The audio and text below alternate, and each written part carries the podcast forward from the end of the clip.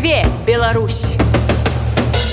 Лукашенко не дапусціў нават спробы ўварвання ва ўкраіну пасля страшных падзей зімы вясны 22 года трэба аддаць яму належнае Пра гэта у інтэрв'ю выданні украінская праўда заявіў кіраўнік украінскай разведкі кирилл буданаў па яго словах лукашенко вельмі хітры і цудоўна умее віхляць про тое ці не абяляюць падобныя заявы беларускага дыктатара чаму украінскае кіраўніцтва неахвотна ідзе на контакт з дэмакратычнымі сіламі беларусі і як беларускія добраахвотнікі працуюць на імідж нашай краіны ва ўкраіне.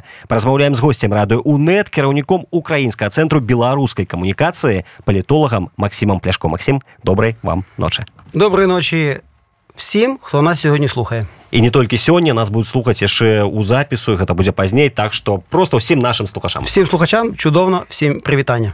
Лукашенко хітры гнуткі умее віхляць і галоўнае не дапусціў нават спробы ўварвання ва ўкраіну. Ось як вам такая характарыстыка беларускага дыктатара з вуснаў кирилла буданова ці падобныя словы ну так бы мовіць не абеляюць лукашенко ні, не, ні, не обіляють. Я гадаю, я впевнений в тому, що ця фраза трошечки, скажімо так, вирвана з контексту. Білоруси дуже чуткі і дуже так болісно сприймають будь-які такі подібного роду такі речі заяви. Насправді Буданов сказав про те, що я не хочу обіляти цю людину. Але треба визнати, що він е, дійсно впирався, і Путін хотів, щоб е, Білорусь вступила в війну. Лукашенко впирався, і е, в цю війну Білорусь не вступила. І Україна скаже з цього приводу слава Богу. Ми скажемо слава Богу, тому що в Україні на першому етапі війни, коли ви я сам з родом з міста Єрпінь з міста Буча, з міста Гостомель. Я побачив війну 24 лютого, коли ракети прилетіли в Гостомельський аеродром. А в мене е, квартира на 10-му поверсі напряму видно було все.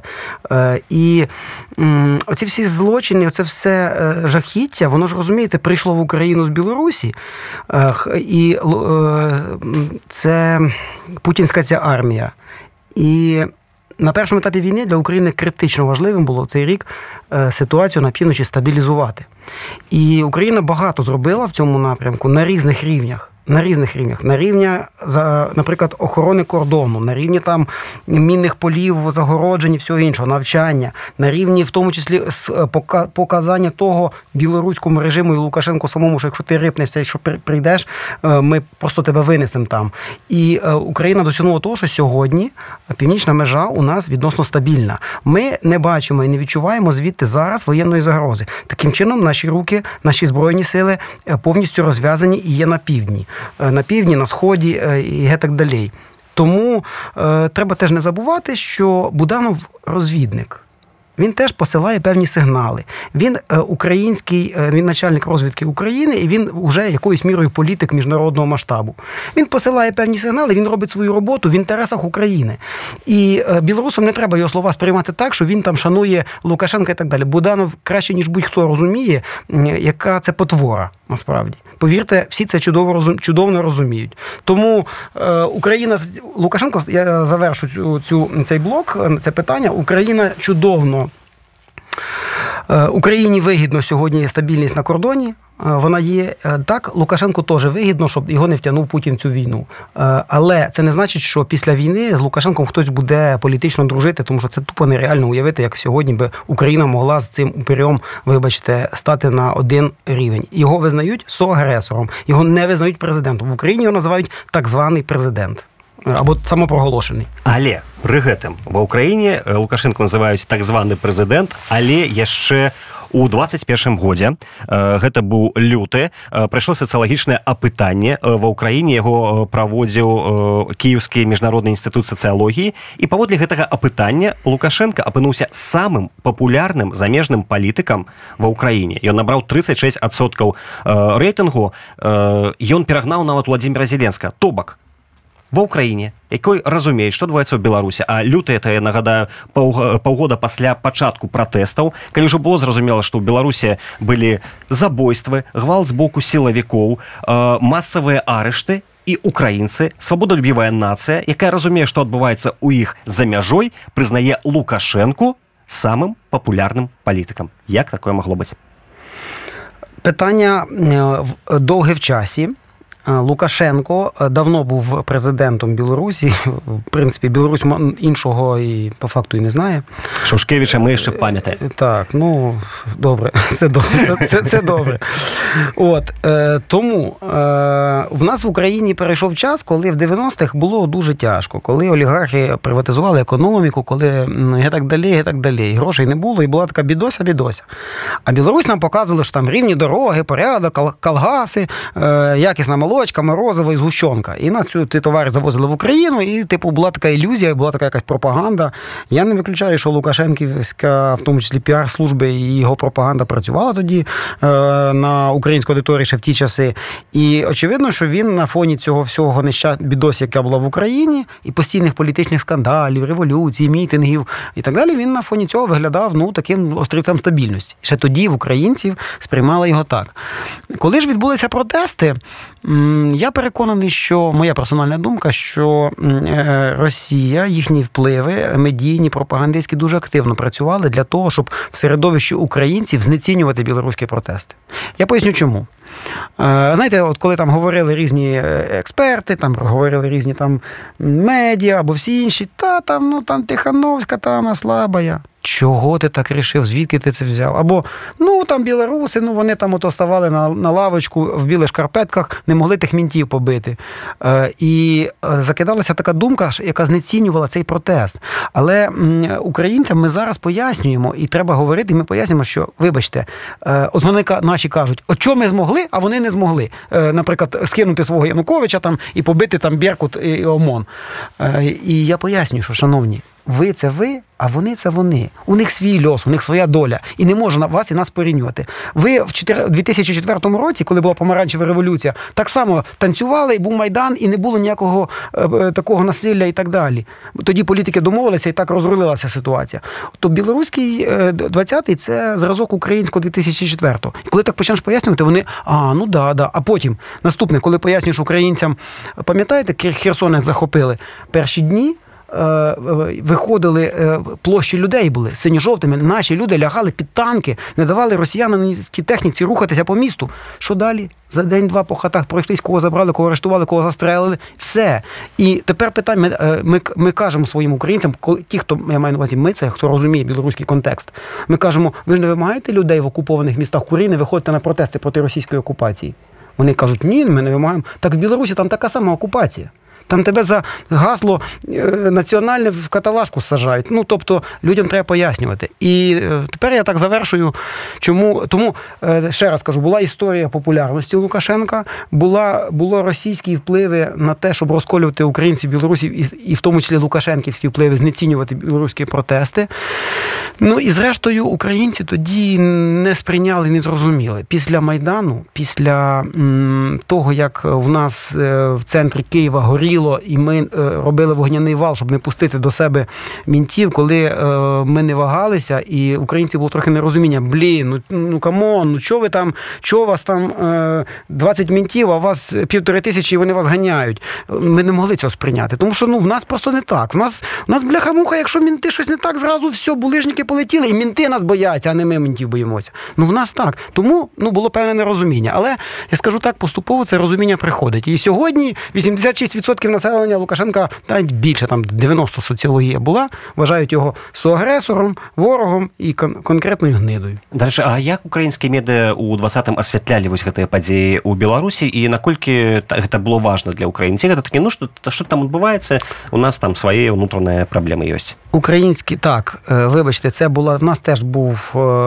і свої вибори. У нас теж була на сході війна, дві текуча не припинялася. І, звичайно, що були новини про білоруську були руські протести. Ми дивилися за тим всім, але було помітно на якомусь етапі, я пам'ятаю, що от було помітно, що ну, ну, ну радість була Ми не вірили, що вау, дивіться, от вони вийшли, о, о. А потім так вийшли, вийшли, вийшли, нічого не міняється, потім бачимо, їх ганяють, і якось так ну, прикро стало. Був якийсь момент, коли чекали, що ну треба, щоб ну треба далі, треба валіть. А вони цього не зробили. І тоді українці такі, а шкода. Ну, бок не разумелі українцы на той момент што мы розныя народы у нас розная ментальнасць розныя падыходы українці абсолютно українці вони на вони міряють все всіх по собі Вони міряють всіх по собі, і вони вважають, що от білоруси, вони вважають, ну от це ж дуже просто. Е, Ми розмовляємо майже в нас мова, ну просто настільки подібна, нам не треба перекладач. Е, У нас е, такі самі борщі, навіть на кордоні ті жарти були, борщі, сало. Ми їздимо один до одного в гості, там Полісся, це взагалі важко розділити, де Україна, де Білорусь. Ми історично, ментально просто виткані з одного етнічного і і політичного тіла. Ми з вами з білорусами. І е, так само ці білоруси їздили через Україну на Чорне море купатися. Там, ну, Тобто, це було завжди е, там женилися, куми, брати і свати і так далі. І ну, чого ж вони не такі, як ми? Ну, вони ж такі, як ми. Ми ж можемо мінтів кидати булижникам, а чого ж вони не можуть? А ні, вони не такі. Це ще не означає, що там, якщо мова все інше, да, у вас була інша історія. Ви на півдні були, у вас був степ, і ви завжди мусили рубатися. Скільки ви жили, ви мусили рубатися за бо у вас завжди там кочівники набігали. Тут ти землю орав, а тебе е, в бурячках шабля лежала. Ну в них інша історія, в них спокійніше було, е, бо не доходили ті степи до них, в них інша ментальність і так далі. Тому ну зараз це розуміння вже поступово приходить, але ще роботи дуже багато. Давайте е, поступово приходить розуміння, і коли ми вертаємося у жнівень 20 года, тоді як бы там ни было беларусы абралі свайго лідара. Гэты лідар не той каб хацеў ім быць але так склалася. Волей неволей Светлана ціхановская была абраным лідарам. Там пытанне наконт ці прызналі прэзідэнтам не прызналі гэта ўжо такое. Там што краіна у якой не лічыцца галасы вельмі складана вызначыць абраны яна лідар не але у любым выпадку беларусы за яе пайшлі за яе не за яе але супраць лукашэнкі. І э, Світлана Ціхановська выехала. Світлана Ціхановська выбудоўвае кантакты. У яе ёсць свая каманда. Яна за гэты час за апошнія тры гады сустрэлася з шэрагам палітыкаў вышэйшага ўзроўню. Але пры гэтым нейкім чынам кантакты з украінай ідуць вельмі слаба. То бок э, за гэты час не было там ніводнай напрыклад э, афіцыйнай сустрэчы з владимиром зеленскім. Вось чаму так адбываецца? Здаецца украіна нам блізкая украіна разумее наши праблемы цяпер значна больш але пры гэтым э, Светлане ціхановскай прасцей сустрэцца з байденам барэлем а не з зеленскім. Вот чаму так? Е, цікаве питання. Тут тут є кілька версій, часто воно задається. Тут є кілька версій е, на конт е, цього питання. Одна із версій така була, що Україна, скажімо так, борючись за от стабільність на північному кордоні, тому що дивіться, ви от у вас в білорусів є така сама болячка, як і в нас в українців. От у вас ви таке дуже чутливе сприйняття всього, і ви думаєте, що от ми такі хороші, і всі нам всі нам повинні поняти, прийняти там і так далі. І так далі. А ми так само думаємо, от ми пострадали за весь світ всю Європу, всі нам теж тоже должны. І в тому числі поляки зерно своїм фермерів на користь на шкоду своїм фермерам. Тобто у нас та сама історія. Ми так само чутливо дуже приймаємо світ. Але ви маєте розуміти, що ну в Україні є свої національні інтереси. В даному випадку національний інтерес України е, не, скажімо так, не піднімати рейтинг Тихановської, да, а е, мати стабільність на білоруському кордоні. Можливо, я не виключаю, але ж ну таки, і так само я не бачив цих секретних домовленостей. Але можливо, ну була така десь там, десь якась, що е, якщо ти зараз приведеш приведеш Тихановську, да, то ми там почнемо обстріли, припустимо, там з білоруської території по Україні. Тобто, тобок, е, грубо кажучи, не не робити шереху всередині Білорусі, не накаляти обстановку. Е, і на той момент, з точки зору воєнно-політичної, ну що приїде Тихановська, привітається Зеленським. Да, Тихановський це дасть додатковий ем, легітимізацію. Що це дасть Україні Зеленському? Вона ж не привезе Хаймерса з собою танка або щось такого. Да, розумієте? Тому в дан в тій ситуації, можливо, українське керівництво вирішило, що да, краще краще не не рухати питання, не, не, бо нам треба стабільність на цьому північному кордоні. Але знову таки, це теорія. Інша частина. Тихановські так само кажуть, наче, бо ми ж на цих дискусіях, на цих зустрічах, коли в нас збираються українсько-білоруські там експерти, фахівці, представники демократичної опозиції, ми ж завжди кажемо. Так а в чому проблема? Ну приїдь до полкових, приїдь до доброхотників. Ну приїхав же ж, е, як там наш дідушка. Позняк? Да, приїхав Позняк приїхав потім один, другий, третій, всі ж приїжджають, ніхто. Ну да, вони пояснюють, що дивіться, вона статусна, в неї безпека, в неї е, вона під в неї е, Литва має певний протокол, тобто її тобто її мають запросити на державному рівні. Ну, в цьому є якась логіка. Е, також я не виключаю, що в Україні хтось, можливо, серед політичного класу от блокує це питання. І Саме ще важливо і саме е, цікаво, в Україні у владі не так багато, не то, що не так багато, а дуже мало людей, які фахово розуміються в білоруській темі, в білоруському питанні. Дуже мало людей. Причому е, на рівні Верховної Ради, на рівні керівництва історично так склалося. Ну, це якийсь дикий парадокс, насправді для мене, але ми настільки з вами близькі історично, мовно, культурно, ментально, просто ну, родичі, капець. І ми так мало знаємо один про одного. Тому якраз і ми так неправильно сприймали ваші протести, і і ви не те від нас очікуєте. Ми дуже мало знаємо один про одного. В нас в Україні, а це тепер я до чого веду. В нас в Україні людей, які фахово розбираються в білоруській темі, ну на пальцях одної руки. Я причисляю себе до цих людей, яких от на пальцях цієї руки, хто розуміється трошечки трошечки в деяких питаннях білоруської теми. Євген Магдаш. Ну от Євген Магда, до речі, правильно сказав. І в нас зараз стоїть це питання. От ви кажете про Тихановську і про всіх цих. Євген Магда, мій колега, мій якби старший товариш, який мене якоюсь мірою привів білоруську, білоруську тему. З багатьма людьми познайомив. Так от. Е- Зараз е, той самий Євген Магда каже, що Україна має призначити спецпредставника по Білорусі. Бо так має бути, бо є цілий шерех питань е, жихаров, які живуть е, білоруських, які живуть в Україні. Україна з одного боку має безпекові моменти, тому що е, з білоруським паспортом може і КГБшник, і консерва заїхати. Да? А з іншого боку, ну вони ж теж мають права як громадяни, як резиденти, і, і там ряд питань є по банківським рахункам, по іншим. Так само доброхотники, виплати, куча моментів. Ці питання треба вирішувати далі. Комунікація з білоруською опозицією, ну і так далі. Інформаційне вибудовання. Тобто в Україні немає систем ні одне відомство. Хтось трошки потрошки там, потрошки там, потрошки там, трошки РНБО, трошки той, трошки той займається системно, не займається ні ні одна інституція. Це а правда. навіть уже в Верховній Раді Олексій Гончаренко займається білоруським питанням. Е, Дивіться, Олексій, як на мене, Олексій Гончаренко просто е, робить собі хайп і робить собі гарну, е, як сказати, ну може там готується до нових виборів, людина і так далі. Ну це його вибір. Я про інше. Є в Верховній Раді група дійсно е, міжпарламентська, міжфракційна по Білорусі якісь е, об'єднання. Ну ви розумієте, вони це не формальне об'єднання, це не інституція. Кожен з них з різних фракцій. Кожен з них займається своїми питаннями, темами, там е, своїми комітетами, в них куча своєї роботи. Це в них такий факультативчик. Не більше того. Інституційно немає. Ну, е, Посольство посла відкликали. Ну, інституційно немає, ніхто не займає. І от Магда якраз каже, потрібен спецпредставник. Людина, от ми всі е, експерти, ми комунікуємо з громадським середовищем. Ми комунікуємо безпосередньо з людьми.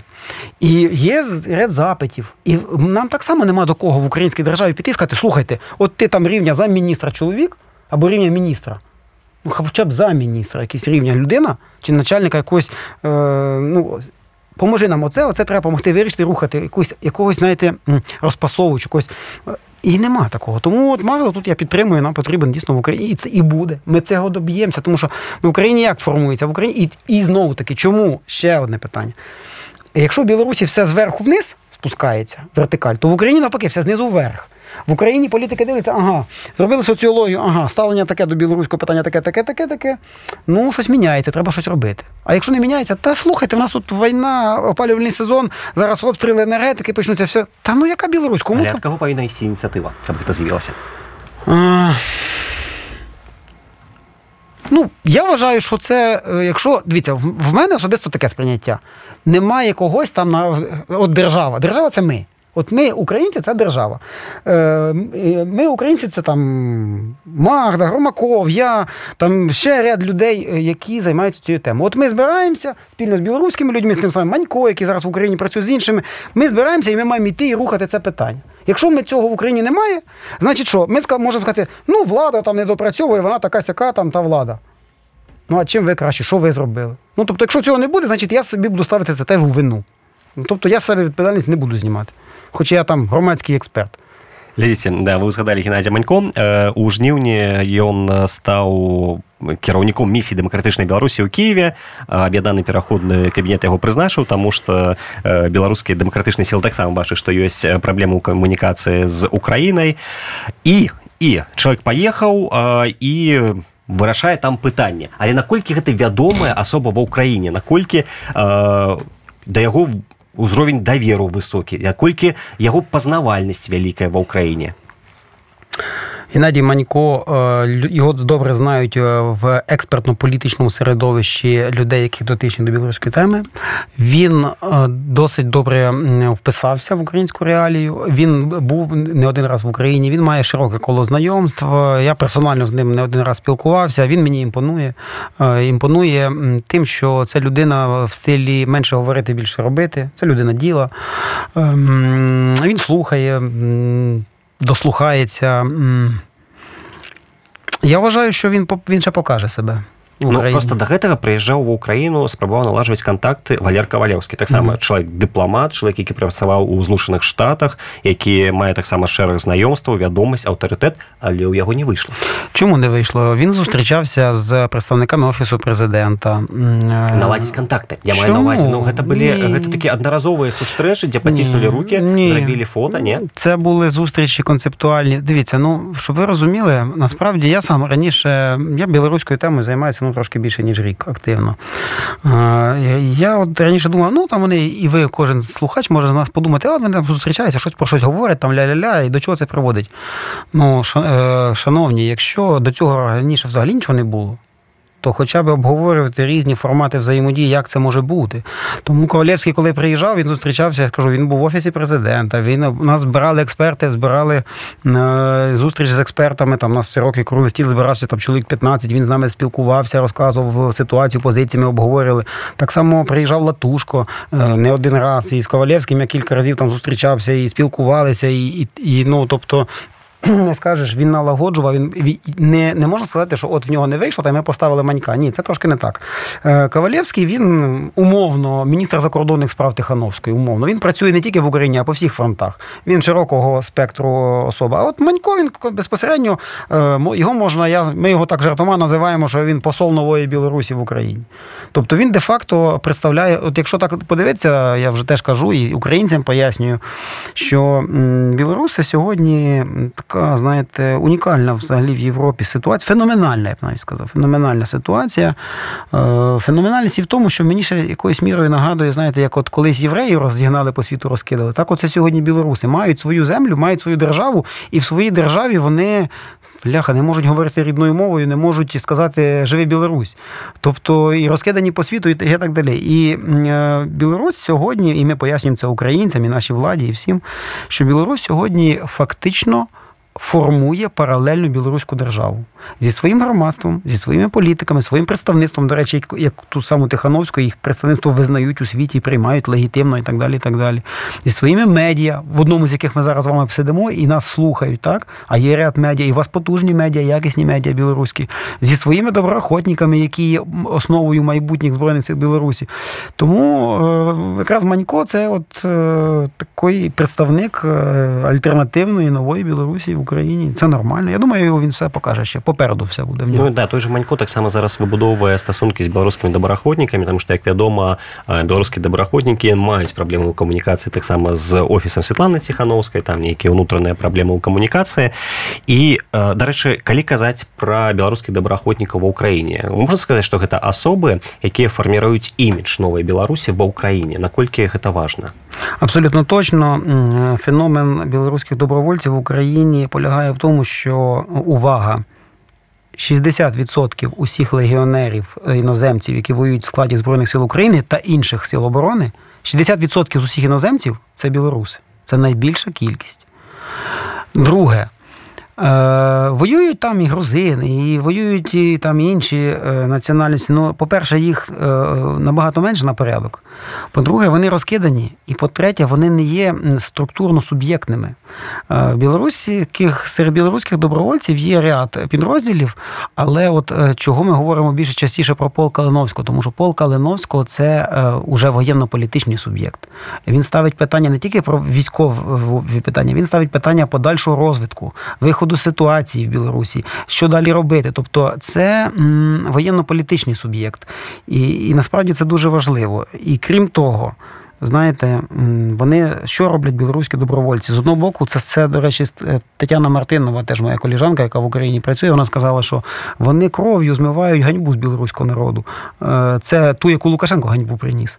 Е, і вони а я доповню, вони, на мою думку, створюють дуже важливу штуку.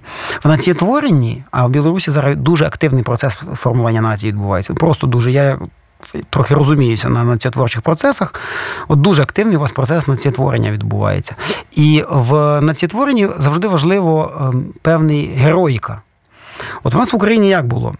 Ну, була там героїка. Е, ми на радянських фільмах про війну наші німці виросли, були е, героїка Другої світової, але вона не заходила. Вона була радянською і вона не заходила в Західній Україні. На Західній Україні була героїка УПА, пісні повстанські, там, е, фестивалі, Криївки, там, ну, це цілий пласт культури. Ну він не заходив на Сході. А сьогодні у нас в Україні героїка тотальна. І сьогодні у нас на Сході більше навіть російськомовні українці це герої. Це е, Харків, це Херсон, це Південь, це Донецьк, це Запоріжжя, це це Єрпінь, це Буча, це це наші мої міста і так і так далі. Тобто героїка сьогодні тотальна. То я до чого веду? Е, білоруські добровольці це білоруська сучасна героїка. Це героїка, це це до, в хорошому сенсі міф міфотворення, тому що в е, нації потрібне міфотворення. От Вони вони якраз цю героїку і дають. Тому їхнє значення надзвичайно велике. І е, ідеологічне, інформаційне. І вони показують от так само українцям останню вже крайню тезу, бо я можу багато на цю тему розважати. Коли українцям кажеш, от е, українці 86% негативно відносяться до білоруської держави. З приводу білорусів, які там на землі кажуть, та теж вони там не піднялися, вони там сидять, там мінтів не можуть побити, допустили, щоб колони танків пройшли через їхню територію. А їм кажуть, і всі вони такі, кажуть, чекай, чекай, стоп, стоп, стоп. А от добровольці, а калиновці, а ті, що загинули вже за Україну, а герої України, білоруси. А ну да, да, цих ми вважаємо, цих ми цим ми дякуємо, ми цих шануємо то це е, доброходники вони ще й українцям показують, що є білоруси інші. От. Тому вони Дальше, їх... А в Україні вот полк Каліновська это вядомае падраздзяленне ці не ці гэта вот просто мы живем ведаеце вось у беларускай інфрапрасторы для нас падаецца ну вот там же павінны все все ведаць там что мы про гэта ведаем мы гэтым балеем мы про гэта чытаем мы про гэта пішам ва ўкраіне гэта так ці не ці для іх гэта... ну да там где-то ёсць так, некалькі там десяткаў беларусаў але глобальных значэннях это не мае то вот патлумажце наколькі вот для украінцаў гэта таксама так же не важно не важно як для нас. На сэнсе ведаюць про нас ці не ведаюць? Скажу. Розумієте в Україні зараз понад мільйон людей під ружьом Натурально, понад мільйон. Ми розуміємо. І цих полків, і цих бригад е, просто настільки багато, що дійсно так. Але розумієте, цільова аудиторія кожного соціума вона сегментується, ви ж самі прекрасно знаєте. Тобто, десь є білоруси, десь є люди, які дотичні до теми білоруської, десь є люди, які цікавляться, десь є люди, які там близько до кордону білоруського, там або ну і так далі. Тобто. Е, е, якась частина українців знає. Небагато, але якась частина українців. І знову таки, погоджуюся з вами. Е, привітання дуже правильно поставлено. Бо в нас була от недавно круглий стіл там на тему безпеки і Білорусі, всього іншого, все, що відбувається. І один із наших моїх колег, політологів, він е, сидів, представник полку Кабанчук, і сиділи там інші хлопці, і він їм каже: ви працюєте класно на свою цільову аудиторію, у вас телеграм-канали, Ютуби, ви такі красавчики і так далі. А Україна про вас не знає. Е, ви не працюєте на Україну, вам треба працювати на Україну, тому що через е, українське суспільство ви досягнете і впливу, в тому числі і на українську владу, тому що вона зважає на настрої людей. Наші тому да, біло нашим прес-службі полка і так далі варто було би. Е, робити, розширити свою цільову аудиторію і говорити в тому числі до українців. Е, мало, мало знають, треба більше. До речі, е, сьогодні написав у гэтым, у гугле беларус з вусамі по-украінску і ведаеце што першае выйшла не лукашенко сур'ёзна янкі янкі то бок мне здаецца што гэта вельмі сур'ёзны зрух у разуменні украінцаў хто такія беларусы mm -hmm. нарэшце mm -hmm. калі мы гуглім беларуса з вусамі выходзіць не той хто падаецца першым прикольно Янки, до речі, відома постать так, в Україні? Так, відома медійна постать. Я вам скажу, я по моїх спостереженнях, по моїх спостереженнях, от я бачу, коли я бачу в Україні людей в формі, я зразу бачу білорусів. Яким чином? Їх їх видно просто. Видно по по татухам видно, видно по по очам видно, видно по світлим бородам і світлому цьому. Ну вони, знаєте, от вони мені нагадують, от є, от вас оця, вас оця, знаєте, як це сказати, Оця стилістика, оця оця геральдика, от ваш прапор, він красивий, ця погоня, оці всі ваші, оці всі рунічні. У нас теж це все є, але в Україні воно, нас, знаєте, там скіфи, сармати, ми дуже. А вас оця, ви цю всю історію ВКЛ дуже красиво вплітаєте. І воно, і ваші е, хлопці там деякі, ну вони як вітязі просто виглядають, справді, справді красиво. І ну, це, знаєте, це естетика. Це естетика. І я от навіть буває так, знаєте, десь там в транспорті чи де, і ти помічаєш, ти бачиш, о, білорус, видно. Видно.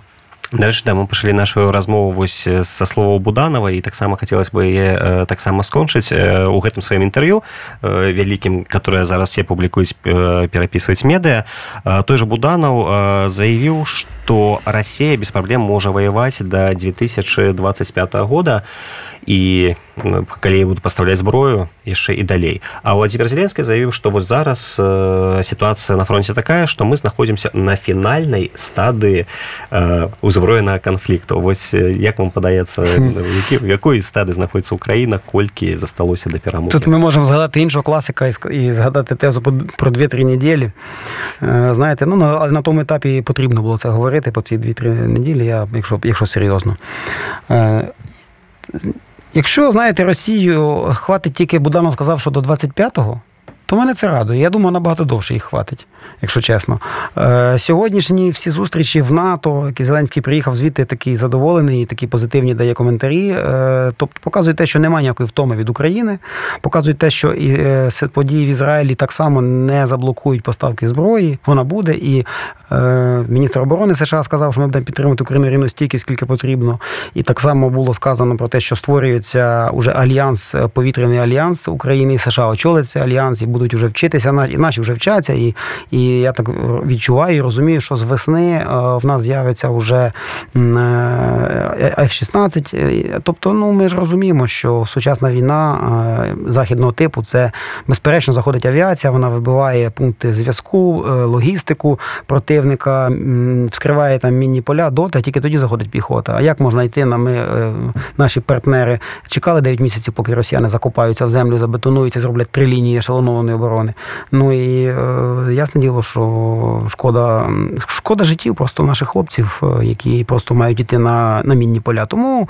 Е, тому не буде втоми від України, будуть F-16, буде дальнобійна зброя. І я сподіваюся, що за наступний наступну весняну літню кампанію ми просто винесемо москалів з нашої території. А після цього і Білорусь е, з'явиться можливість звільняти Білорусь, тому що дуже часто ну, постійно прив'язується питання звільнення Білорусі, прив'язується до падіння Росії. От, тому... Як каліновцы наши кажуць, што мы ва ўкраіне змагаемся за будучыню дэмакратычнай Беларусі. Так і є. Максім, нас, на жаль, скончыўся час нашай размовы. Я нагадаю нашим слухачам, што сёння госцем радыёнет быў кіраўнік украінскага цэнтру беларускай камунікацыі палітолог Максім Пляшко. Дзякуй яшчэ раз. Всім вам дзякую також, що нас слухали. Жыве Беларусь уначы.